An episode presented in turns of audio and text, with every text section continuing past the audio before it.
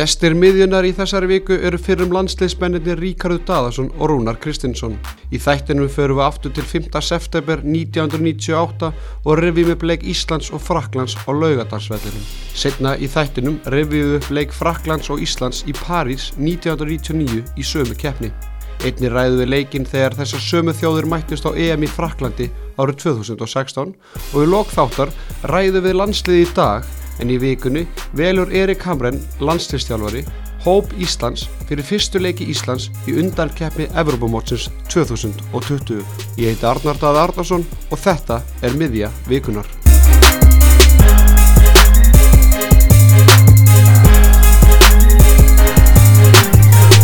Þeir eru hjertalega velkomnir í miðjuna, bæði Rúna Kristinsson þjálfari K.R. og, og Ríkard Daðarsson, nefndamæður hjá, hjá KSI, landslisnefndið ekki? Jó, það er á rétt, takk fyrir það. Herðu, það er framöndan undakefni EM er bara að fara af stað, uh, fyrsti leikir Íslands verða leiknir ytra fyrst gegn Andorra 22. mars og síðan í kjölfarið fyrir við til Fraklands. Uh, bara, svona, fyrst bara, hvað er að, hvað er að frétta af ykkur? Rúni minn, hvað er að... Það er bara allt ljómandi, við, maður er bara í sama bransunum en þá, berjast þessu fótbolta og... Skemmtileg tímin á Íslandi núna, eða ekki? Núna, Jú, 4. jú. mars. þetta Gott undir, undirbúinast tíðanbíl bara í... Þú múst í Flórida? Já, já, við erum búin að fara til Flórið í æfingarferð og hérna, við erum bara fulli undirbúningi með gálið og, og svona, það fer mestu allir tími manns í það að undirbúa liðið sitt og átökin í sumar. Er ekki það eitthvað aðeins meira að gera hjá þér á daginn eða ekki? Já, þetta er aðeins öðruvis, þetta er ekki sami luxusin þjálfurum. Nei, ég er náttúrulega bara hamast í, í vinnu með hérna e, fjármálastjórn í, í, hérna ferðarþjónustunni og með svona verkefni og en hérna fæ útrás fyrir hérna fyrir hérna fótboltan í gegnum landsliðs nefndarstarfið og, og svo fyrir að hérna mæta öru kóru på sín og, og tjá mig um mennska boltan og, og, meistaröldina sem er bara gaman að fá hérna halda, hvað var að segja fá aðeins útrás að tjá sig um þetta og, og þykjast vita eitthvað um það. Herðu þið hérna ástæði fyrir að fæ ykkur í, í miðjuna er tengið ykkar við, við frakka? Við ætlum að vinda okkur bara til 5. september 1998 ein sögulega, sögulegastu úrslit sem Ísland hefur náð allavega þeim tíma. Við getum kannski fara að, að tala um að eitthvað betur hafa gerst í kjölfari, ég veit ekki hvort þessi sammáliði ef að, að tjá okkur kannski eitthvað um það bara núna. Er þetta sögulegastu úrslit sem Ísland hefur náð? Það, þau voru það allan á þeim tíma og auðvitað höfum við náð í, í fleiri sögulegu úslit síðan og, og náð frábærum árangri eins og kannski sigur okkar á englendingum minnís í, e, þannig að það er ofta erfitt bara að bera saman tíman. Ég held að menn þurfu bara að fá að njóta þess að hafa tekið þátt í þessum leik og að Ísland hafi getað á þessum tíma náð þessum árangri gegn heimsmyndstarunum þá uh, og sínt það og, og, og að, að þetta er hægt og, og það kannski hefur líka gefið uh, þessum kynsluðum sem að eftirkomu uh, já svona að sínt um að þeir þetta sé hægt og, það séu möguleikar í stöðinni og Ísland hefur tekið stórskref undanferðin ár og þróa sér leik líkt og ja, ja, fótboltin bara almennt í heiminum en Ísland hefur fyllt með og, og haldið áfram að standa sig og, og náðu reglulega í, í flott úslit og ekki síst lið okkar sem að, sem að stóð sér svo vel á EM í Fraklandi Riki, sögulegastu úrslit? Nei, ég tek undir með rúna, þetta voru, þetta voru já, voru það á þeim tíma, voru þetta hérna, náttúrulega þeirra fyrsti leikur eftir að þeir unnu HM svona nokkuð samfærandi og, og klárlega besta landslið í heiminum á, á, á þeim tíma og sennilega innanbors með besta fótboltamann í heiminum á þeim tíma í, í síðan, þannig að þetta lið var náttúrulega alveg frábært og þannig að þýlitin til voru þetta stórkostli úslit og, og náttúrulega gaman að það skildi verið í leik sem að skipti máli. Fyrsti leikurinn er í keppni þannig að allir voru að byrja með hreint borð. Þannig að hérna, það var ekkit um að þú veist að það væri ræða það að þeir væri í góðri stöðu og getur slakað á og annað slíkt. Uh, en, en að sjálfsögðu tekið náttúrulega undir það að við höfum náttúrulega uh, það, er, er, er langt liðið síðan alltaf langt eiginlega. En hérna, nei en ég meina það að Ísland hérna komist síðan inn á stormót uh, já, er náttúrulega meiri árangur heldur en að ná jafntefnilega úslitum í stökum leik og klárlega. Og það að fara upp úr riðlinum á EM og, og, og vinna England í, í áttalega úslitum er, er náttúrulega, nei í sextalega úslitum er náttúrulega það var styrlað og þá var maður í stúkunni sem áhorfandi og, og, og hérna gjörsanlega misti sig yfir því að vera bara aðdáðandi óglimaleg stund hérna og ég get rétt ímynda með hvernig það vera, var að vera inn á vellinum í þeimleik mm. Ef við förum aðeins bara eins og ég segi aftur í tíman 5. september Rúnar, hvað, svona, hvað er eftirminnaðast? Uh, ég átti ammalegna dag Já, ok Þannig að það er, Það er svona, ef við bara sleppa leiknum og tölum að þessum ámælistæði spilaði ágætlega á amalistæðin kallin hérna, Já, nei, eftirminnast það er náttúrulega bara umgjörðin í kringu leikin það var náttúrulega mikið rætt um að við varum að fá fraka heimsótt með alla þessu stjórnir innanbóra og svo knæspunni sambandi fór í það að setja ykkur að palla með fram uh, uh, stæðunum sem voru þá og, og hérna fyrir aftan mörkin að, til að reyna að, að fá sem flesta árundur og koma sem flestum að og, og völlunum var fylltur af fólki, fólk mætti og sínd okkur stöning og, og hérna þrátt fyrir það að við leiðum mikið tilbaka og, og, og varist mikið löngu stundum og þá fann maður alltaf hva, hversu mikil stöningur var mikilvæg þegar leiði á og fólk fór að sjá herðu byttu þeir eru að standa í þeim og við heldum í nullunni þetta lengi og tala ekki um þegar við komast 1-0 þá fengum við mikið nauka kraft líka hjá, hjá fólkinu sem stutt okkur og en, en hérna við vorum bara með frábæra taktík og við vorum allir að hlaupa og berjast og loka svæðum og gera þeim erfitt fyrir og hérna uh, í rauninni bara leikurinn heilsinni og, og, þegar dómarinn flautar af og við erum búin að ná okkur stig þó svo við vilja eitthvað meira þá er þetta bara allir leikurinn heilsinni sem er eftirminnilegur. Hefur svona, ég meina eftir þessi úrslit þá lítur að hafa átt eða okay, maður, maður getur alltaf náði úrslit. Og hefur notað þetta eitthvað svona í eftir þannan þessi úrslit bæði sem leikmáru og svo bara sem þjálfari bara maður getur gert ímislegt ef maður leikur Já, ég var reyndar orðin, ég átti 29 ára ammaliðan á dag þannig að ég var orðin ágætlega reynslu mikil, þetta er það langt síðan. Þannig að hérna, jú, jú, auðvitað, maður vissi það aðeins þá en, en ég held að það eru bara mun fleiri sem að snúa, sem að kannski fylgjast með íslenska landsliðinu og yngri leikmenn í landsliðinu þessum tíma sem að kannski hefðu kannski ekki áður náði í, í, í svona úslitt og við hefðum nú áður náða að stríða stærri, stórum þjóðum en kannski ekki einn stórum þessari. En veist þetta ef þú fylgjast með fótbolt að það er alltaf hægt að ná í úslitt ef, ef þú hittir á réttan dag og er með rétt að blöndu að liði og, og, og, og góða taktika þá, þá er allt hægt í þessu. Fótbolt er sennilega eina fáum íþróttum heiminum þar sem þú getur aldrei garantera sigur. Uh, þú veist við vorum bara óbærslega vel stemtir fyrir þessum leik og vorum vel skipulega þess að ég segja á þann og hérna þetta hefur þetta gefið síðan fleirum eftir á þá trú vonandi að, að þetta sé hægt og allt sé hægt mm -hmm. Reykja, áður kannski fyrir að ræða marki og, og, og svona, engin tilvíðan því að sitið hérna tveir og ræða þannig leik með að við, hvernig uppskriftan á markinu var svona, því, svona eftirminnlustu mómenti eða bara svona hvernig lýsur deginum bara fyrir leik og, og meðan leik stóð fyrir hvað setja mark Ég hérna, tek bara fullkonlega undir með, með rúna í því að, að, þegar að við komum upp úr og inn á völlin undan stúkunni og upp og og hérna þú áttar þig á þú veist við vorum alltaf búin að sjá hérna segja byggingu þessara palla hérna daginn fyrir leika eða æfingu hérna tegndum fyrir leika eitthvað. En þetta í rauninni ger breytir vellinum fyrir okkur eru komandi inn á og ég man að það var svona við þú veist kíktum í augun okkur öðrum og bara þú veist heyru, það má mikið ganga á hérna við ætlum að tapa þetta við vorum búin að ná fínum úslundum á heimavelli og, og þarna var svona Veist, það var bara geggjað að finna fólk, þú komst tilbaka að verjast í hodni eða varst að slásta einhvers staðar og, og það, var, það var áhörandi þrjá metra fyrir aftan eða fimm metra fyrir aftan endalínuna. Og bara þú veist, þú heyrðir og sást kvítun í augunum á fólkinu og mér fannst þetta opbóstlega eftirmjölet og ég, veist, ég man að við marg oft rætti þetta sem spilaðum minna leik að, að hérna, það, þú veist, eh, gefur alveg rosalega mikið að finna þessa nánt sem að það er pínu sorglegt að, að breytingarnar á lögatisvelli þó þar hafi nú verið jæmt og þétt einhverjar að þá, þá höfum við ekki enþá komist í þessa nánt völlurinn er fullur, það er skemmtilegt en það er samt enþá þannig að fólkið er langt í burtu frá vellinum og, og, og hérna, ef maður má vera pólitískur þá má maður ídætti því að, að, að það, mynd, það þýðir stig og það þýðir betri árangur ef að við gerum grifju þar sem að hérna, lið, liðum líður ekki vel að koma á völlin getur alls konar veður og ef það kemur þar á ekki inn í svona umhverju þar sem að fólkið er nálat og, og alvöru stöningur og þétt þá, hérna, þá munum við ná í fleiri stig og það er þetta sem að er fyrsta tilfinningin sem kemur upp í sambandinu leika, kemur svona hvað maður segja, mann hlínar um hjartaræðunar þegar maður rifjar það upp einhvern veginn stemminguna sem var og, og allir þarna svona nálagt og, og svo eins og Rúni segir, það var, það var, það var gaman að, að hérna, vera í svona skipulöðu liði við, vorum mikið búin að ræða, ég manni til því vorum mikið búin að ræða þeir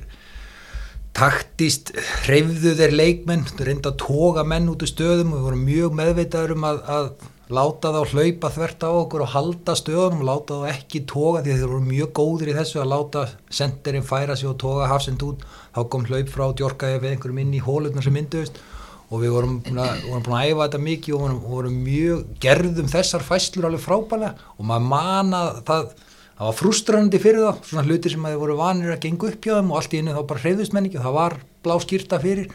Þetta og það er, gaman, það var gaman að vera í Íslenska landsliðinu þegar það var svona og, og hérna við vissum alltaf að veist, við getum skora við hérna veginn höfum alltaf trúið við getum, veist, við þurfum ekkert mörg færi til að skora mörg og, og hérna og meðan þú ert inn í leiknum og ekki búin að fá það marka að hérna þá er það bara svona eftir því sem tíminn líður þá líður okkur betur Taktíkin var samt ekkit mikið öðruvis en hún er búin að vera á Íslenska landslegin undan færna árskilvi. Það er bara þéttu varnarleikur og skildisóknir, förstleikadri og það er doldið það sem við séum Íslenska liði verið að gera undan frá ár. Þeir hafa kannski Íslenska liði dag og undan færna ár hefur verið kannski aðeins meira í því að geta haldið bóltan og spila aðeins og, og kvilt sig með bóltan sem kannski við vorum ekki einskóður í. En það finnst mér verið að helsta breytingin en, en taktíkin er ekkit ósvipuð, þéttu varnarleikur, skildisóknir, förstleikadri. Þannig að þú veist, um, það er ekkert stór breyting þar á mm -hmm. uh, Didier Deschamps hann hafi ekki enda þá ef í, í Fraklandi 2016 að, að frakkarnir hefði slegið þarna meðan þjóðsöngur var leikin munið eitthvað eftir þessu mómenti og, og, og svona kannski bara framhalda að spurningunni funduði fyrir vannmati hjá, hjá frakkunum maður kannski fann ekki beint fyrir því maður mað sá aðeins náttúrulega eins og þú nefnir í þjóðsöngunum að þá fóruður allir að hlæja og brostu og þeim fannst eitthvað að fyndi við það að það var í þarna íslenskur flottur óperusöngvari að syngja þjóðsöngvana og, og hérna hvort að það var að hlæja frönskunni eða, eða íslenskunni eða hvað það var, ég, ég veit sér ekki en það var mikið gert grína þessu og eftir leikin var auðvitað myndir aðeins hlæjandi og þetta fór nú í tauguna held ég meira á, á frökkum í Fraklandi sem voru óanað með úslitliðsins heldur en eitthvað annað en, en Já, ég, ég held að þetta af ekkert, þú veist, þegar þú ert komin þarna fimm myndur í leika að þá breytir þetta ekkert einhverju, hérna, hvað var að segja, hérna, aðkoma okkar að leiknum en, en, en hérna, já, já, þeim fannst þetta, þeim fannst eitthvað að flutningnum. Jú, það er kannski ekkert óðurlegt að þeir sem hensmestrar eh, hafi kannski svona verið örlíti værukæri fyrir leikin en, en minna, það er bara þeirra vandamál ekki okkar og við nýttum okkur það bara til fulls og þegar þeir ætluðu séðan að að setja í annan gýra þá, þá, þá var það erfitt fyrir það því við vorum búin að hérna, loka á öll uh, svæði hjá þeim og loka á allt þeirra samspil og, og, og náðum að, að hérna, halda þeim frá markinu þeirra okkar og, og hérna ég held að þeir hafa náttúrulega getið skapað mikið að færum þó svo þeir hafi verið meira og minna með bóltan allan ekki sko. mm -hmm. Markið sem, sem þið skorað komið yfir hvað eftir hvað rúman hálftíma leik er það ekki rétt að mér? Jó, þetta var hérna nú svona típist ég, ég hérna við vorum með mitt unnum boltan hérna á eigin vallaralmingi og, og ég endaði nú sjálfur í því að skílónum fyrir hérna fyrir einhverjum og, og brotið á mér og, og hérna þá náttúrulega gerum við það sem við gerum alltaf. Við veist, tökum okkur tíma og sérstaklega í svona stórum leikjum og þegar við vorum í þessu kerfi þegar við vorum með þrjá hafsenda þá fluttum við liðu, fluttum upp stormunna og hérna stillum upp bara í aukarspinnu og hérna þarna margt sem tikkar inn en, en hérna þannig kemur úr inni, þú veist, menn þekkja sín hlutverk og kemur góða bólti frá Rúna og, og, og hérna við erum með Jólla, þarna, Egil Sverris klókur stillir sér í hlaupalið fyrir Bartis í markinu og, og hérna, ég gerði það sem að ég gerði, ég kem á ferðinu og reyna, reyna að losa mig úr, þannig ég fái að reyfa mig, miklu betur þegar ég fekk að, hérna, fá smá tillöp og það tókst þarna og þegar maður sér út undan sér að markið er tómt, þá náttúrulega þarf skallin ekki að vera nema bara ámarkið og þá gerast góða hlutir og hvort sem að hann hefði farið beintin eða við höfum náða eldaninn þá hérna, það var þetta auðvitað óglemalegt moment en, en hérna og hvað var að segja, við æfðum þetta og við stíluðum inn á að fá hluti út úr aukarspilnum og odnum og, og hérna að gekk upp hana Rúnið, þú kannski segja þetta kannski svona í, í slow motion? Nei, maður mann eftir, eftir þessu og maður er svo sem horta á þetta aftur oft en ég aukarspilnan hún var sko nánast inn okkar eigin vallarhermingi úti við hliðalínu þannig að þetta er ekki beint besti staðurinn til að sitta hann inni þetta er bara svona langu fram eins og eins og hérna Stoke City gerir stundum þegar Tony Poulis var að þjála þá eitt langur og svo bara slást um hann en, það, það sem að ég minnist alltaf er að Gauji var búin að tala um þetta Bartes var náttúrulega í markinu og hann var frægur fyrir það að fara í skóarferðis uh -huh. og, og hérna Guðjón var búin að segja við mig það því að ég átti nú að taka allar þessu aukarspilnur ég átti bara að hengja hann inn í tegin og helst ekki of nálat markinu bara rétt inn fyrir vítategin þannig að við kæmust í skallabólt þannig að þess að hann kæmust í hann og boltin fennu bara einhverja 2-3 metrar inn í tegin þannig að ég hitti ágætla á hann. En þetta var bara einhver sviftöður að skilju það Mark, Birkir hefði getað farið út og tekið þetta sko, og sett hann að það en ég hef fengið mikið hrósir þess að sendingu en þetta er nú bara svona eh, hengd hann bara upp í lofti og leta svíf inn í dítategin og Bartis náttúrulega bara kemur fljúand út og, og Rikki er fyrstur á boltan og skallar inn tómt markið og það var nú ekki mikil fræð á bakvið þetta en, en Guðjón hann var búin að sjá þetta fyrir og sagði að þetta, þarna væri möguleikar í stöðinni hvort sem hann kæmi út eða ekki að þá kannski myndum við vinna fyrsta skallan og svo getum við bara um setja við, náttúrulega settum upp og, og ég, ég mann það, ég meina við vennilega stiltum þessu þannig upp að við vorum hérna tveir eða þrýr og ég hef mér reyðað sér eitthvað þarna fyrir aftan mig og, og hérna og þetta svona eftir í hvar boltin kemur hver gerir áras á hann og, og hérna en það þurfti náttúrulega boltin eins og Rúni segir að hann hittar réttan stað það er náttúrulega því að menn eru góði spinnumenn þá hittar réttan stað og boltin þurfti að vera þar hérna, til þess að hvað ég var að segja aðeins að, að tegja á þeim aftar heldur en þeir vildu fá skallaði við og, og svona bjóða bjóða Bartis upp í dans og hérna gekk upp að það Það er kannski svona fúlt að, að fá síðan jafnunarmarki bara strax á sig einhverju nokkur mínútum senna. Já, ég held að það hefði nú verið gaman að geta haldið kannski inn í hálfleikin sko, til aðeins til að ná andanum bara aftur eftir þessi átök því að við hlupum mikið og þurftum að hafa mikið fyrir að verjast þó hefum við gert það vel en, en það er eh, svona, það var ekki komin kannski ykkur ókýrð í frakkana, þeir náðu að jafna full snemma skilur, ef að, það er komið hálfleikur og við eins og náðu að halda 5-10 myndur setnáleik þá, þá kemur kannski eitthvað vonleysi og óþreyja og þeir fara að fara út úr sínu kerfi og, og pyrra sig og ýmislegt, þannig að það er svona kannski mistum að því mómenta Við mistum að því mómenti og fáum marki kallið doldið snemma á okkur og erum samt sko þegar þeir skora að Zidane er að, að leika sér þetta út úr kanti og, og, og hérna tekur ykkur þrjár uh, gafbræfingar að hann sendir hann fyrir. Og við erum vel mannaðar inn í teg sko, við erum mjög marga leikmenn í teg og boltinn bara rekkur fyrir þá og, og við vorum mjög varnarlega fínir okkur að tá en, en hérna, boltinn datt fyrir þá og þeir náðu jafna og eftir það var þetta náttúrulega bara eins og leikurum var búin að vera. Við heldum bara haus og heldum áfram að verjast og reyndum að nýta okkur færi í að sækja en, en hérna þeir náttúrulega meira og minna með boltan Hvernig þróa síðan setna hálfleikurinn? ég hérna, það var nú það var nú lítil hliðarsaga þarna, ég var að spila með auðinni Helga í, í Stavanger í Noregi á þessum tíma. Þegar við komum heim eftir leikina þá, þá man ég eftir að okkur var hérna, búinni velkominir í klefan og óskar til hamingi með úslitin og svo kom næsta setning á eftir, það var frá einum gömlum hann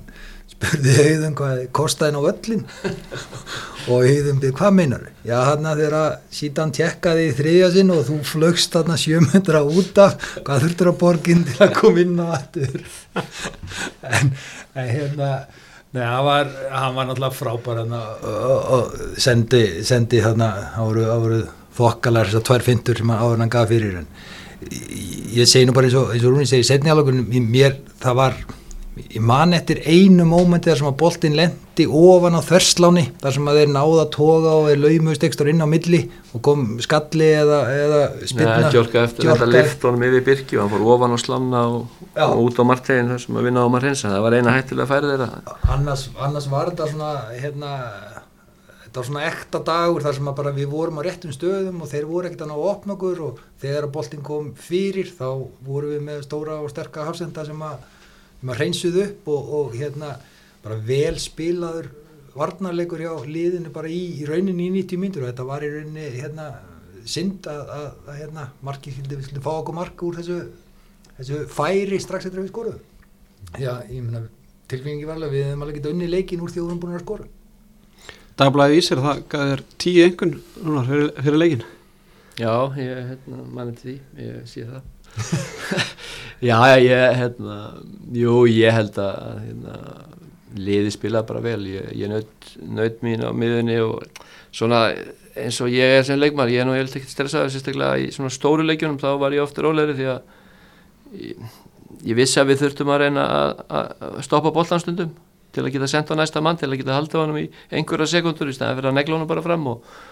og það bara hefnaðist alltaf ágjörlega hjá mér þó ég man alveg til að ég misti nokkur svona bóltan þegar ég var eitthvað að fýblast en, en það er bara svo mikilvægt þegar þú ert að verjast mikið að, að þú hafi menn í liðinu sem geta róa leikið niður og þegar þú vinnur hann að þú fari ekki bara og bombur honum eins langt í burtu. Eða þú getur skilt honum, haldið honum, sett hann á jörðina spila eina, tvær sendingar, þá ertu oft búin að losa ykkur á pressu, kemur vörninni út og getur kannski færtlið ofar á völlin og, og mér gekk mjög vel í því og, og átti fínasta leik og annar að dæma um, um hérna. Hann spilaði, ég meina Rúni spilaði bara frábælega, spilaði frábælega eins og eh, varnarlega eins og, eins og hérna hann nú alltaf, ég segi það nú alltaf eftir að hafa spilað já, flesta mínu landsleiki með hann fyrir aftan mig að, að hérna, vann með þinn leikmaða varnarlega að hérna eh, fekk alltaf rós fyrir meðhundlurinn á bóltanum en, en, en hann var líka staðsetningar í varnarleikur mikilvægur og Rúni var náttúrulega mjög góður í að loka á sendingarleðir skildi leikin, skilur leikin það vel að, að loka á sendingarinn í hættuleg hérna pláss og, og hérna og svo þetta sem hann segir hérna að halda bóltanum að það, það er algjört lík í ladrið fyrir lið, sérstaklega þegar þú liggur svona hérna og það er ekkert grín að vera, við spilum með fimmenni í rauninu með þrjá hafsenda og tvo vangbakverði og svo Rúni og Helgi Kolvísin á miðinni að, að það er heldur ekkert grín að vera bara tveirinn á miðri miðin á móti sítan og hérna Deschamps og, og, og Djorkaef svona fljótandi inn og út þannig líka þannig að það var, það var nóg að gera og það gerir aukvísar á móti þannig að það er, það er hægar sætt en gert að eiga góðan leik þarna. En það kannski hérna og, og það er svo ofbúrslega mikilvægt það sem hann gerði akkurat í leiknum fyrir, fyrir lið á þessum tíma var að veist, ef einhver næri að vinna boltan og þú nærði að koma um hvort sem maður upp í efstu, efstu línu á mig eða einn og finnur síðan mann á miðinu sem getur tekið og róað og losa pressun á meðan menn flytja sér herra það, hérna, skiptir sköpum til þess að geta slakað á og, og hérna, endurheimt aðeins hérna, hvað var að segja, skipula komist þær á völlin og Rúni gerði það bara leik. Mm -hmm. uh, Svona áður fyrir rúmlega ári í tíman fyrir til Parísar og myndist aðeins á, á hversu mikilvægt var að vera með stúkun og svona nálat vellinum. Rúnar, ég vil kannski fá þig til að hérna, kommenta þetta, fannst þú fyrir þessu? Og er ekki alveg ræðilegt að 20 árum síðar eru við bara ennþá með stúkunum bara í næsta fóstnúmeri? Jú, það er alveg skellulegt satt best að segja og maður er, þú veist, orðin fyrir ekki að byrja þar að, að, hérna, að það sé engi skilningu fyrir því að hversu mikilvægt þetta er í, í íþróttum. Með allan þá árangur sem að Ísland hefur sínt í, í knæspinu heiminum með allan þá atvinnum eins og vegum erlendis og með frábæri landslið kalla og hvenna þá uh, þurfum við nýja völl, við þurfum fólki nær okkur og, og það er ekki bara fyrir leikmenn, það er líka fyrir fólkið það snýst ekki bara um leikmenn. Miklu skemmtilegur á völlinum þegar það verður nær leiknum. Stuðnismenninni vilja að sitja nær og, og geta öskra inn á völlinu þar sem það kannski eitthvað heyrist í staðin fyrir að vera alltaf 15-20 metrum frá völlið eða 30 metrum eins og þetta er í lögadalunum og uh, við þurfum að fá nýjan völl. Það þarf til að, til að bæta um, umgjörðina. Uh, búningsaðstæðan er ekki uh, næla góð. Allir stalar í Evrópu eru brotnir klefanir og litlir. Aðstæðan er bara ömuleg eins og hún er og við þurfum að, að gera áttak og það þarf að pressa á þetta, reyna að fá þetta í gegn og fá alveg fókbaltafell fyrir íslensku þjóðum. Manni, manni finnst, mér finnst svona pínu leiðilegt að, að svona umræðan fer strax í það hérna verður þetta arðbært verkefni, verður plús í klattan, verður, verður nýðustafan græn eða rauð og að, að hérna þetta skiptir oft minna máli þegar það er rætt um menningu en þegar kemur að íþróttunum að, þá verður það að ganga upp að það verður plúsi klatta, nei plúsi í, í, í mm. hérna, að vera hagnaður af rekstrinum ef það á að gera eitthvað fyrir íþróttunar og það er pínu ósangjart eh, það er náttúrulega klárt að það verður nærði að vera á nulli heldur en þegar um hörpunar að ræða eitthvað álga en, en hérna hvort að það er ekki úslitatrið og, og þetta er svona hlutið því svona hvað er hvað, viltu engina þessin þjóð, viltu vera þjóð sem býður upp á það sama á aðra þjóðir? Og við viljum náttúrulega gera okkur gildandi, við erum, hvað ég var að segja, rík þjóð í efnaðsluðu samingi við aðra. Og við eigum alveg að hafa efna á því að halda úti þjóðarleikvangi allavegana í einhverju hlutfalli við okkar höðutölu sem hýsir 15-20 manns eða 15 manns eða hvað það er, ég veit ekki hvað starður að vera nákvæmlega að vera að tala um en, en og, hérna, og það er svona mér finnst það að vera svona í, í rauninni pínu hérna, og það er náttúrulega yfirleitt þeir sem eru antisportistar sem að segja, heyrðu, já, stendur þetta ekki undir sér og á þetta ekki að skila hagnaði og við hefum ekki efnað þessu? Og, og þá verður náttúrulega bara að bera það saman við aðra hluti sem að þú ákveður að halda úti sem þjóð og fullvalda ríki að hvað viltu að, að hérna, þetta verður gæti fljótt orðið hvað að segja svona með sletti landmark hérna Reykjavíkur eins og Hallinskirkja og, og Harpan og, og annað slíkt. Þannig að hérna ég held að fólk verða að hugsa þetta líka aðeins þannig. Yes, herðu, hérna vindum okkur til Parísar. 9. oktober 1999 þá er þið ennþá í svona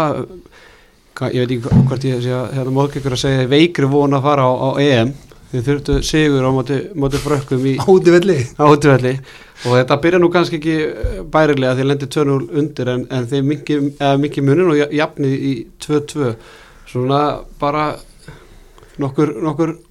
orðum um þennan leik, Rúni? Já, ég, hérna, ég horfði nú á stóran hlut af hann í morgun aðeins til að fann að YouTube síðu sem að ykkur að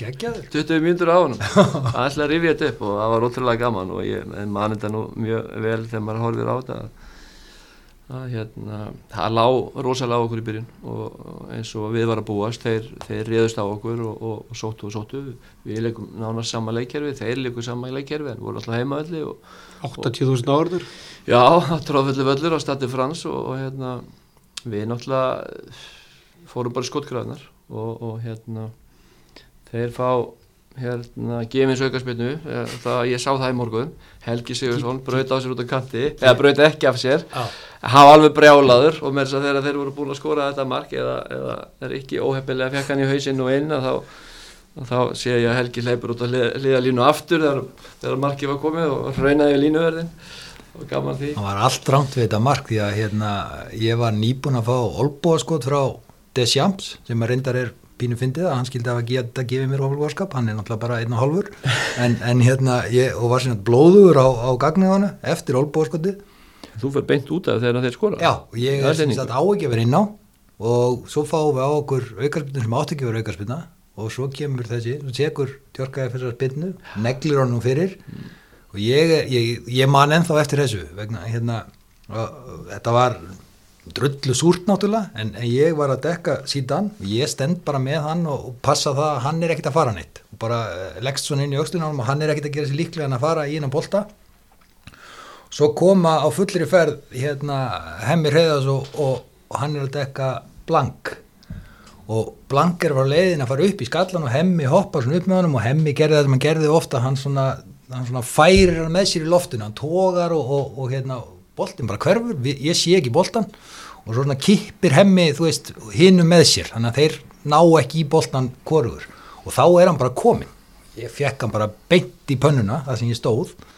Og náttúrulega, ég er ekki enda búin að fyrirgefa byrki að þetta var bara einhverjum 12 metrum. Þetta var eitthvað óverjandi. Þetta var súrt. Þetta var eina sjálfsmarki á ferlinum held ég og það er pínu súrt að það hefur verið 90.000 manns á vellinum á móti frökkum Já, já, en svo komast þeir í 2-0 hérna rétt fyrir hálfleik og, og hérna, það var algjör hefnismark líka því að, því að hann, hérna, Gjörga F, hann, hann, hérna, var að reyna að sóla ykkur á 5 held ég og það var alltaf ykkur varnamæð sem sparkaði í hann og bolti fór alltaf með honum og endaði með að fara í klófið á einhverjum varnamæðnum held ég, auðinni helga sinni held ég og endan var hann alltaf komið slappin einnig gegn og það var hann 2-0 en þetta voru þeir líka búin að brenna af einhverjum færum og kannski ekkit óeðli staða í hálfleik. Þannig að við fórum inn hérna og vorum samt að leggja okkur mikið fram og, og mikið baráta og, og við þurftum að hafa mikið fyrir þessu. Mann Gauji tók okkur í gegn í háluleik skamma okkur ekki mikið neitt en hann vildi bara að við færum og tækjum meiri sjensa það þýtti ekki að liggja lengur tilbaka, nú værum við að tapa við ætlum að fara fram og gefa þessu sjens og reyna ít okkur smátt og smátt framar í pressu. Og, og það sem hjálpar okkur það er að við vinnum bóltan eh, Rikki vinnur aukarspill eh, hátt á vellinum og Egilur setur boltan hann í vingilinn svakalega aukarspilnu þá er bara leinar eitthvað tverja þrjár myndur að síðarháleik og það gaf okkur gríðarlega trú og við heldum áfram að íta okkur upp og, og, og náum svo að jafna uh, á 50.50 held ég að verið. Já, það tók okkur 10 mínútur að, að jafna leikin því að Ótrúlegt við prjónum okkur hann einhvern veginn í gegn og, og Brilli Þið voru eiginlega báðir í gegn? Við vorum báður einir í gegn ég og Brynjar og, og Brilli, Brilli var bara eiginlega frekari og ég einhvern veginn fannst mér boltin líka betur fyrir hann og einhvern veginn hoppaði bara framhjá. Og sem betur fyrir því Brilli miklu áraðin er ég þannig að hann ríðist á hann og, og sett hann í netu og jafnaði 2-2 og, og hérna við náðum að halda því í kortur Já, þetta var að hérna það var, það var óbúslega sætt og, og geta komið tilbaka og maður sá og að því ég var að segja að ég var að horfa á þetta í morgun og þetta var á frönsku. Það var bara úr lýsinguna á leiknum sjálfum og maður heyrði allt hvað þau voru að segja. Og þeir voru mjög sjokkirar þegar við jöfnum, þeir trúðu ekki hvað var að gerast því að frakkar urðu að vinna leikin Já, til að komast áfram í Það má kemur ekki gleyma því. Því að Úkraina og Rússar voru að spila á sama tíma og voru með stig á það Já, og það, leikurinn þar þurfti að fara á einhvern ákveðin hátt, nú mann ég ekkert hvernig hann þurfti að fara fyrir frakkana til að þeir færa áfram. Þannig að, og meira þess að þegar þeir fagnar sér að leikurinn búinn, þá vita þeir ekki hvernig staðan var í hinuleiknum með hvernig hann endaði.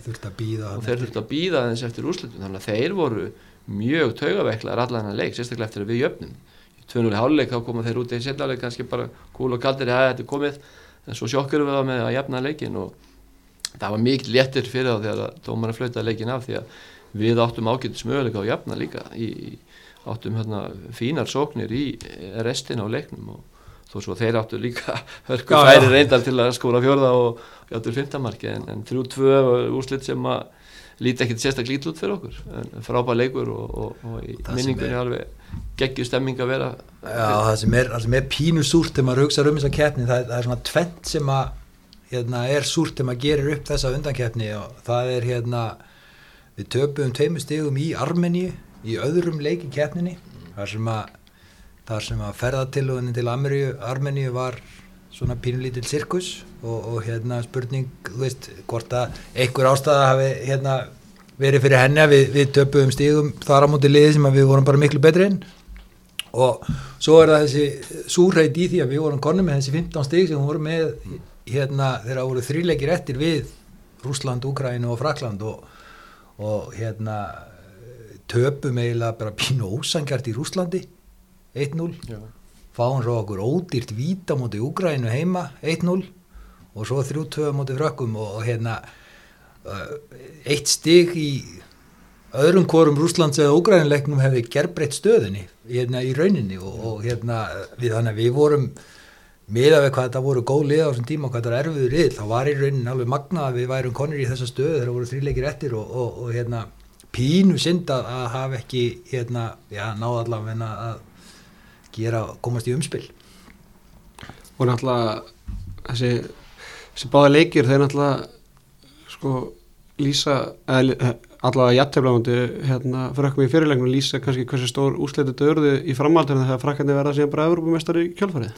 Já, ég menn það er náttúrulega bara eins, og ég sagði hérna í byrjun að ég þeir voru bara með besta lið í heiminum á þessum tíma. Og, og hérna ég heldur að við sínt það á sanna síðan þegar úrslitin fóru fram að, að hérna þá, ég menn þeir vinna bara HM og EM back to back að, þú þarft að vera með já, gott lið og þeir voru bara bestir hérna og, og í rauninni hérna voru líka og nú ef ég mann rétt bara líklegastir fyrir 2002 að halda þessu áfram og, og hérna og ég meina síðan sem þeirra arkitekt eh, hérna stórkostlegur fram á við að búa til hluti fyrir það og, og þeir voru með svona eins og fókbaltinn var þessum tíma þá voru þeir með svona fullkomna blöndu í mjög sólit varnarmönnum og, og kreatífum sóknarmönnum voru reyni ekki komni með reynan sko hvað ég að segja, stór skorra sem sender það var svona lið sem var svona pinlítið eins og liða oft síðast núna på síðkast þegar sem að var ekki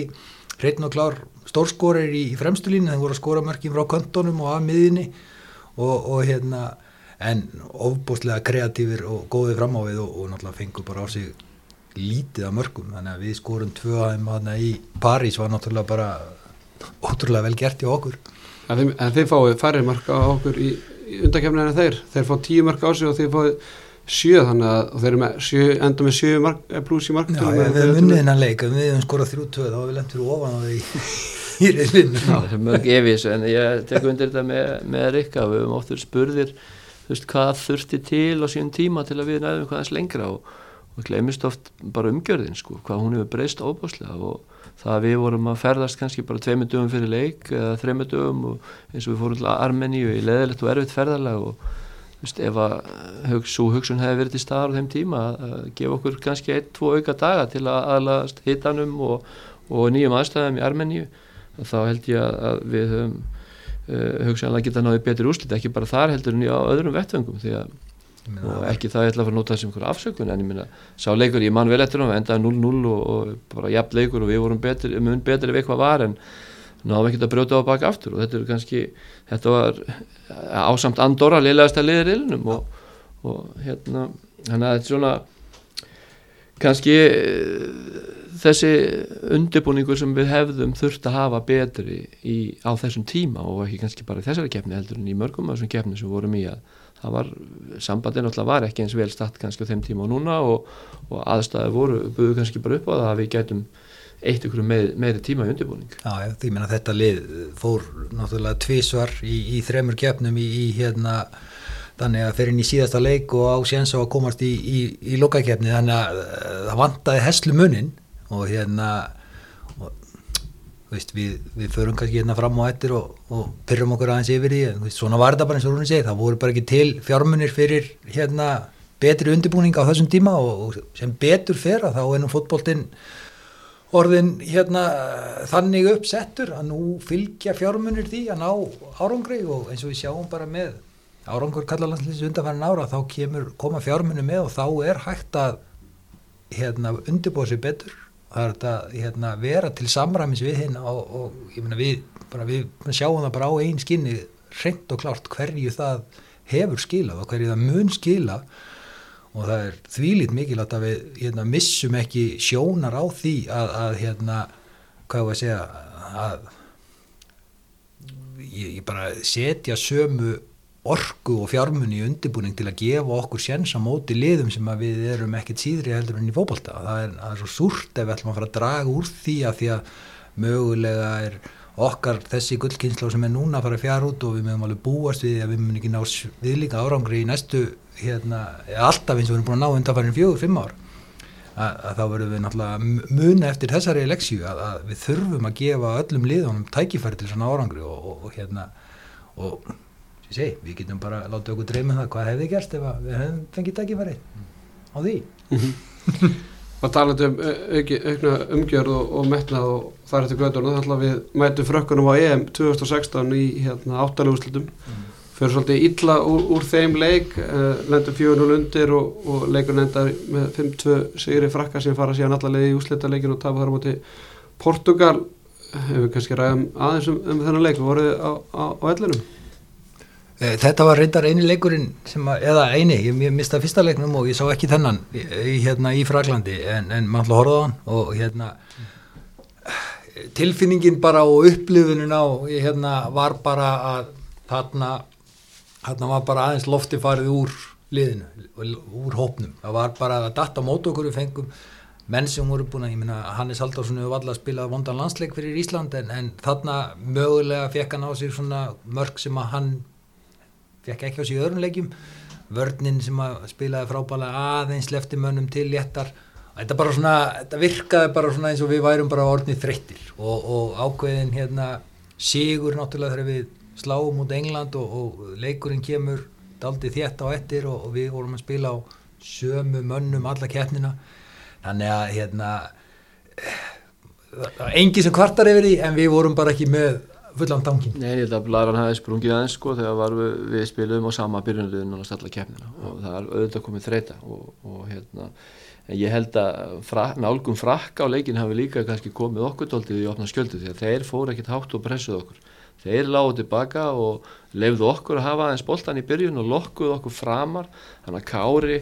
og, og strákarnir í vördinu voru komin herra á völlum með boltan þegar þeir voru að byggja upp spil heldur en kannski áður í keppninni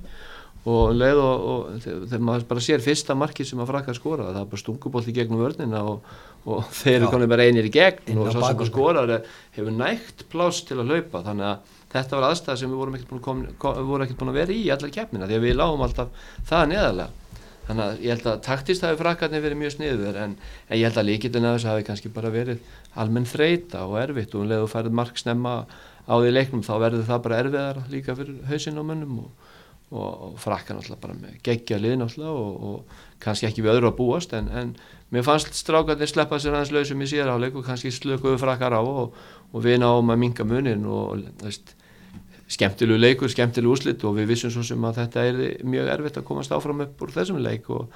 og ekkit óæðilegt það við að tapa. Þannig að ég held að menn hafi sloppið bara vel frá þessu og, og allir uh, fóru sátti frá borðið sko þráttir, þráttir tapa en frábæð keppni og,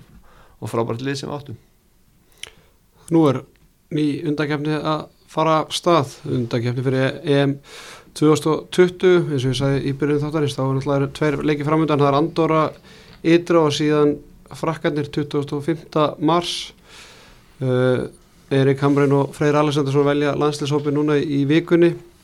hvernig svona líst ykkur á bæði, bæði bara þessa undekjafni sem framöndan er og, og bara kannski stuðun á hópnum og, og, og leikmjörnum er náttúrulega alltaf svona einhvern veginn mann finnst við alltaf vera pínu óefnin það er að dreyja þess að reyla, ég, ég veit ekki hvort það sé að líðu sennilega öllum landsliðum svo leiðis en, en hérna, mér finnst við alltaf vera að fá svona erfið líður ákveðnum styrkleika flokkum og þetta er svona við slettir svona, svona trikk í riðil sko, það, ég meina við erum alltaf búin að sína það við erum búin að spila frábæla á mútið Tyrkjum hérna heima og náttúrulega gríðarlega eftirminnilegu sigur í, í Tyrklandi fyrir tveimur árum einu halv ári. Og hérna e, Frakland er náttúrulega reynur og klárir hérna langlíklegast til þess að vinna riðilinn en að mörguleiti bara kannski fínt að fá það bara í fyrsta og öðrum leik og, og hérna áduvelli að ef að það gerist eitthvað gott, við viljum náttúrulega fara til Andor og vinna þann leik og, og hérna ef við getum haldið frökkunum í og náðið jæftefli á, á statu frans þá er það bara stórkostlega byrjun og gæti gefið okkur svona uh, orgu til þess að horfa á hinanleikinu og segja, heyrðu við getum bara hérna, við getum bara að fara í gegnum þessi hinlið og, og, og hérna ég sé enga ástæð til þess að við hefum að vera á neitt nátt annan ég menna, litlir í okkur við trúum því bara að við getum verið í öðra tveimur ást sætunum hann Þú, þú Rúnar? Jú, ég, hérna, bara, þetta er maður bara spenntur fyrir þessari byrjun uh, vonandi ná svona okkar líkil menn bara að ná sér stryk og, og komast úr þeim meðslun sem menn hafa verið að klíma við. Við hefum mm, átt svona doldið marga æfingarleiki undanferði sem að, uh, við höfum saknað líkil manna um, það er líkil aðrið fyrir okkur þar sem við erum ekki rosalega stór þjóð og breytin er ekki eins mikil kannski og hjá stærri þjóðum að, að þá þurfum við okkar bestu leikmann að halda. Eh, en þessi byrjun er fín ég minna það er ekkert gefið að vinna Andorra við eigum að vinna og við þekkjum það báð, báðir hérna, ég var ekki að fara þangað og að lendi erfileikum og, en það er líkillin að þessu að byrja þar vel og fá, fá þrjústík þegar uh, verðum við náðu 60 garantiru frá Andorra. Ef við vinnum fyrsta leikin og fyrir til Frakland og reynum að ná okkur í stík þar eða úslit sem kannski líti ekki íll út stórtapur uh, væri ekki gott. Markatali getur alltaf skipt máli líka þannig að ég held að byrjunni skipti miklu máli. Því um við, ef við náum í stegi andar og þrjú stegi þar og náum í eitt stegi eða hvort sem við töfum í Fraklanda þá erum við alltaf komin á stað, við erum í möguleika frakkar kom alltaf til með að vinna meir og minna alla leikin í þessu riðli og vinna vinna þennar riðil. Þannig að þetta snýst um að, að reyna að ná öðru setinu og, og ég held að við höfum þó svo kannski ekki að við gengi vel undanfarnar mánuði og ég held að kannski eitt og halda ára þá hafa orðið breytingar, það er nýr þjálfari og það hafa verið mikil meðslinsvísa aðan við erum að gefa þessu strákun séns og gefa Erik Hamrén smá séns og að fá að vinna með, með það sem hann er með í höndunum og, og hugur leikmanna til æfingarleikja er allt annar heldur en þú mætir í svona alvöru keppni. Og, og ég hugsa að menns verði alveg tilbúinir að leggja mikla vinna á sig núna til að sína þjóðinni að, þeir sem er að spila sé ekki búinir á því, þeir eru ennþá og eiga nóg eftir að tóknum. Já, held ég sé ekki nokkur spurning. Og, og mér finnst hérna, uh, veist, fólk verða að muna það í rauninni hérna, við vorum á HM í fyrsta sinn í fyrra. Og ef við tækjum sko, ef við tökum framistöðuna í leikjónum gegn hörku anstæðingum að, að þá eru við raunin að spila betur út á vellinum í þessum leikjum finnst mér og ég hérna uh, gerðan taka umræðu um, um einhvern sem hefur aðra skoðun, það finnst mér be, spila betur úti á vellinum í þessum leikjum heldur við gerðum í riðlinum á EM. Það bara hins vegar dætt ekki með okkur þarna ákveðin hlutir og, og hérna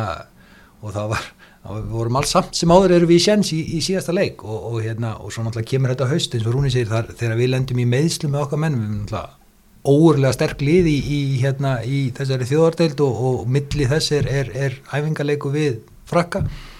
Að þetta er líka, við erum, búin, við erum aldrei spilað við jafn góðar, margar góðar þjóðir á einu ári eins og, eins og í fyrra. Og hérna við erum að setja það í samingi eins við úslitin og, og ég held að strákarnir er mjög meðvitaður um og ég held að þjálfari teimi sé það líka hann að menn hérna hafa fulla trú á verkefninu. En þið töluðum um, um hérna og vonandi kemur sigur í, í, leikum á Dandora það eru þá líka miklu starf en bara þrjú stíð það er eins og ég segi, það er orðið ansvar landsíða við unnum leik, Erik Hamren hefur ekki unnið einn leik með Ísland þannig að sigur gegn Andorra er miklu meir en bara þrjú stíð Já, hann er, það er svona e, þú veist okkur finnst að vera skildusigur, við vitum að það er erfitt. Við munum tala niður sem sagt væntingarnar en við viljum náttúrulega öll að við förum hann og vinnum leikin og það er klárlega þannig að það er svona leggur aðeins, setur aðeins tónin auðvitað eitthvað eh, að mistiga sig þar er þið erfitt fyrir þjálfvaran og, og, og hópin ef að heldur áfram svona einhver þrautaganga. Þannig að, og það er í rauninni bara ágætt það er búið að vera dál til pása frá síðasta leik og menn mæti bara ferskið þann inn og, og hérna, ég efast ekki um og ég, ég, segi, ég hef það mikla trú á þessum hópu og hefur verið það nálóttunum undanfærin tvö ára ég efast ekki um að, að menn munu nálgast það verkefni af, af svona komur segja vitandi það að þeir eiga að vinna leikin en það mun enginn taka neina séns og það mun vera mjög fókusur að Íslandslið sem mæti til leiks þar til þess að, að landa þeim þrejum stíðum og, og, og hérna klárlega þá ymitt að snúa þessu þessar umræði, í rauninni kannski bara reyna að drepa þessa umræði um að það hafi ekki unnist leikur í langan tíma. Það er líka jafn mikilvægt fyrir strákan að vinna leikin eins og Erik, strákanir hafa heldur ekki unni leikskilur frá því Erik Hamren tók við, það er ekki bara hann sem hefur tapað allar leikjunum, það er liðið sem tapar og, og auðvitað eru fullt af afsökunum og allt það og við höfum átt slæma leikin, við líka átt ágætis leiki en svo er ekki kemur inn og spila við mjög erfið anstæðinga, þjóðir sem eru nánast allar á topp tíu á heimslistanum og hérna við verum að passa okkur líka að setja kannski markið ekki of hátt, við erum ennþá Ísland og erum kannski ekki besta fókbalta þjóðu heiminum en, en það þarf alltaf að smetla saman til að við náum í úslit og einn góð úslit eins og segur á andora, það getur liftliðin upp í herri hæður og, og, og kannski e, góð úslit eða góðu leikur á mátu frökkum, eitthvað jákvægt það, það getur gefið mönnum bara smá innblástur inn í komandi verkefni síðar í sumar? Já, ég held að sé, hérna, held að sé allt og, allt og snemt í rauninni að fara að tala um veist, endalók þessa hóps eða eitthvað slíkt að menn séu búnir á því að menn séu þreyttir e, e, það eru menn hérna, kjarnin í liðinu er í rauninni á besta aldri. Og, og hérna, menn eru náttúrulega að spila lengur í dag heldur en ég gerði fyrir 10-15 árum. Það, veist, það er betri meðanlun hérna, menn, menn hugsa betur um sig og svo fram með dugötunum og aðstæður eru betri. Þannig að hérna, auðvitað eins og Rúni sagði á við, við þurfum alltaf á okkar bestu mönnum að halda. Við erum ekki með sumu breytt og starri þjóðir og það er bara staðrind sem við komumst aldrei undan. Ég, ég held kannski samt að við höfum á einhverju leiti kannski svo að verðinum í einstaklega aðdurum og það er það að búa til nýja leikmenn í staðin fyrir þessar sem eru meittir þetta er fullt að sendurum. Við höfum spilað rosalega mikið á sama liðinu í mörg ár, mm. sömu mönnunum. Lítil tækifæri nefn í æfingarleikjum menn er að fara einhver til Arabalandana og og Indlands og spila ykkur á æfingarleiki sem að hafa voða lítið að segja og, og já, já, það er náttúrulega erfitt að koma inn í lið þegar það eru 6-7 breytingar að hérna, já, það er ósangjart að dæma það er mjög ósangjart að dæma menn þegar það eru bara 10 nýjir inn á eða 8 nýjir uh, staðan fyrir að minna, við erum við erum búin að vera vandrað með hægri bakvarastöðuna við erum með frábæra hægri bakvar í, í Birki. En ef hann er ekki og hann er nú komið til Íslands og hann æfir ekki eins mikið og hann gerir þegar hann er á Norðurlöndunum eða annar staðar. Og ég veit það bara eigin raun hvernig það er.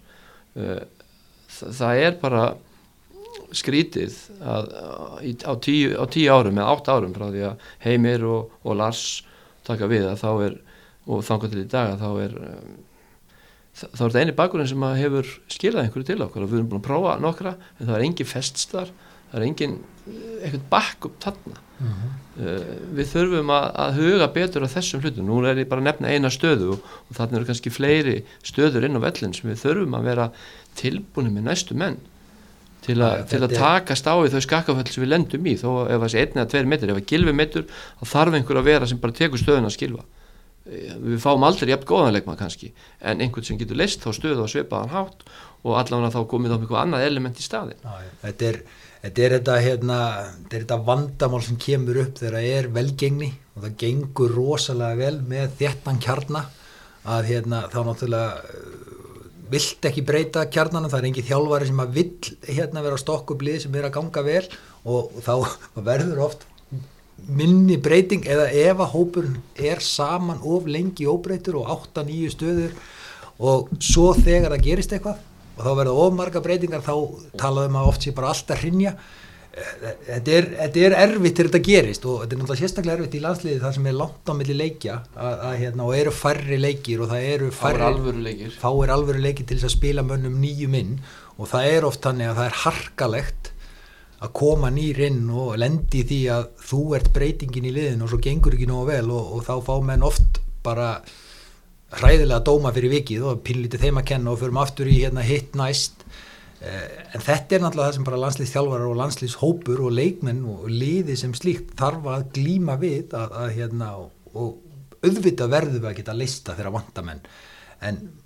við erum, bara eins og ég segi, aftur við erum, við erum farri leikmenn í þeim klassa sem við hérna þarna upp í Európa-klassa heldur en aðrir og þegar það vandar hjá okkur 5-6 leikmenn þá er það stórt skarð fyrir skildi. Vissulega. Ég geti kannski verið með eitthvað í, í marga klukktíma en ég, fyrst eru komin hingað. Þjóðadeildin.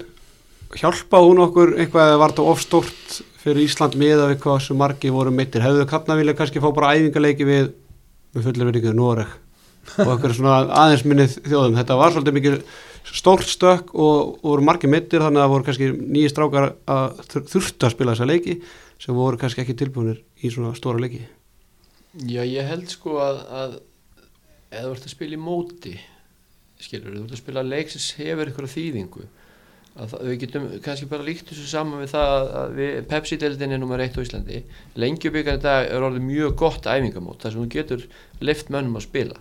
En það eru, það er búið að setja upp dómara það er flott umgjörð og þetta eru góðir æfingarleikir þannig að ef að maður hefði kannski hort bara uh, þjóðadeldin sem bara eitthvað svona æfingadeld fyrir okkur, litið á þetta sem bara æfingarleiki, úslitin skipta kannski öllu máli farið með því hugafari inn í þetta í staðin fyrir alltaf vinnana eða komast áfram og leggja allt í sullunar e, til að vinna einhvern veginn sleik þá höfum við kannski getað, herðu, við skulum prófum eitthvað nýtt í dag.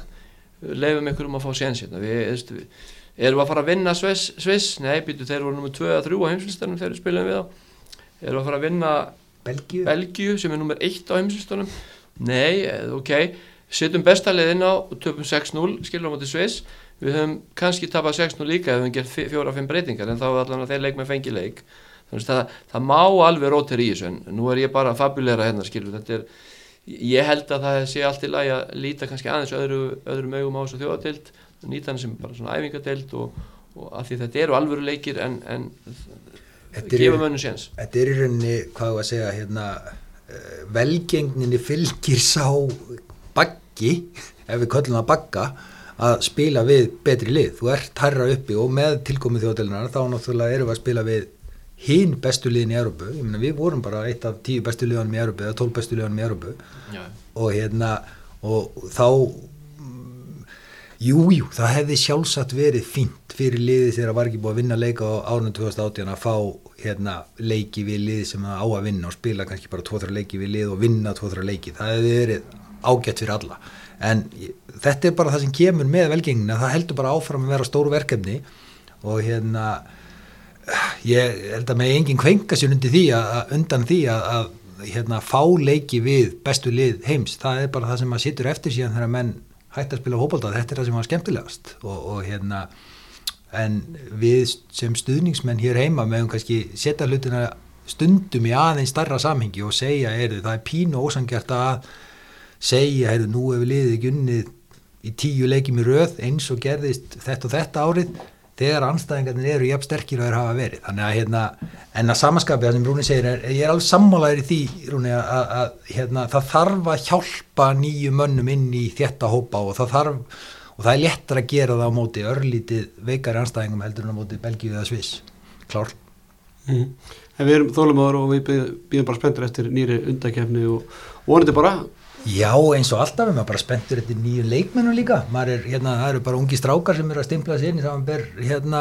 uh, Albert og, og hérna, Arnór í Rúslandi og, og hérna, hérna, og, og einhvern veginn svona, alltaf þegar við erum að tala um það, voðalega, hérna, vantar einhverja leikmenn að taka við, þá, þá dukka upp leikmenn og menn verða stórir og fullornir bara allt í einu. Já, já, við erum, við erum fullt af flottum strákum hann úti sem, sem er að banka deinar og auðvitað, eh, fer þjálfari alltaf í það sem sagt í það spór að setja sína reynslumestu og bestu sem hafa hingað til staðis og það er bara eðlilegt sko. En, en hérna eins og ég var að segja á hann þá kannski í svona æfinga leikja móti eins og við vorum í að þá kannski hefði verið hægt að reyfa með sína aðeins spilin hvað hugsa um en auðvitað vitu við og það, við, það er svo auðvitað að sitja hér og það er svo auðvitað að sitja upp í stúku og rífa kæft og, og, og, og gaggrina því að vitandi það að vera þjálfari að þú veist maður fær oft gaggrina á sig fyrir eitthvað en þjálfarar þeir ger aldrei neitt nema vera virkilega búin að hugsa um hvað er að gera og hvað er alltaf að fá út úr því og, og veist, það, það er ekki tilvíljanir einhversi að spila. Það er, það er mikil hugsun á baku það er leiði yfir hlutunum og oft eru það fleira neittjálfar, það eru tveir eða þrýr skilur í, í teiminu og, og þeir í saminningu ákvaða, herru, svona alltaf við gerum þetta í dag, við ætlum að reyna að fá þetta út úr þessu og, og þannig að þú veist Æ, og svo, og svo er þetta að setja ykkur stöður út í hodni og rífa kjátt ofan á það kemur líka ofta það er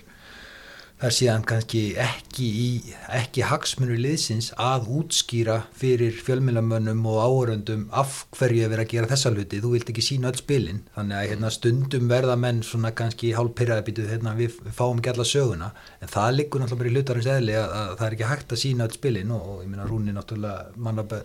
ekki það sem þjálfari að, að þú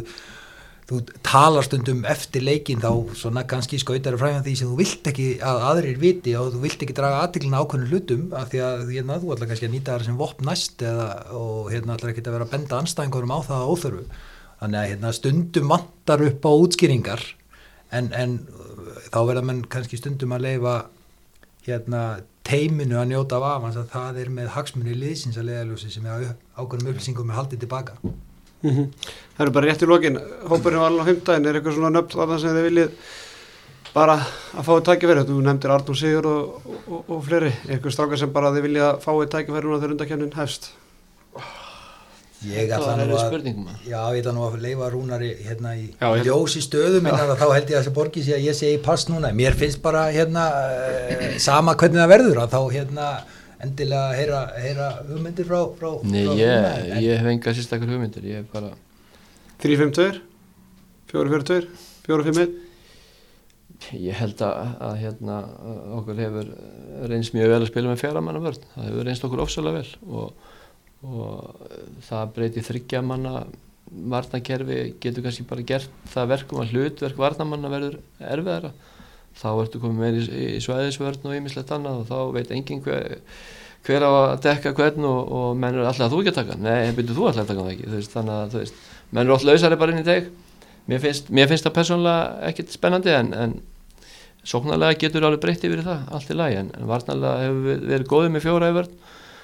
og ég held að það sé alltaf að við séum bara þéttir og við þurfum, ef við þurfum á einhvern tíma að því að halda er það núna þegar við erum ekki með að vinna leiki í langan tíma að vera þéttir varnarlega og fara í gömlu góðu gildin okkar og, og, og svo höfum við núna í dag fleiri góða teknila leikmenn og sterkari sendera fram á við sem að, sem að er að skóra fyrir okkur og er að búa til og, og hérna, getum skapa meira sjálfur kannski. Og ég held að þess nættum við fara aðeins kannski tilbaka eitt skref og fara í, í góðan, þéttan, sterkan varnarleik og byggja þetta áfram að skyndisóknum í staðan fyrir að kannski ætla að fara í þryggjaman vörð með einhverja kantbækverði og reyna að fara í eitthvað uh, flóknara spil sem að einfallleikin er oft bestur. Ekki að hafa þetta bara sem lokaverðin í, í miðinu þessu sinni? Þetta eru mjög góð lokaverð Herra Ríkard Daðarsson og Rúna Kristjánsson, takk hjá alveg fyrir komuna. Takk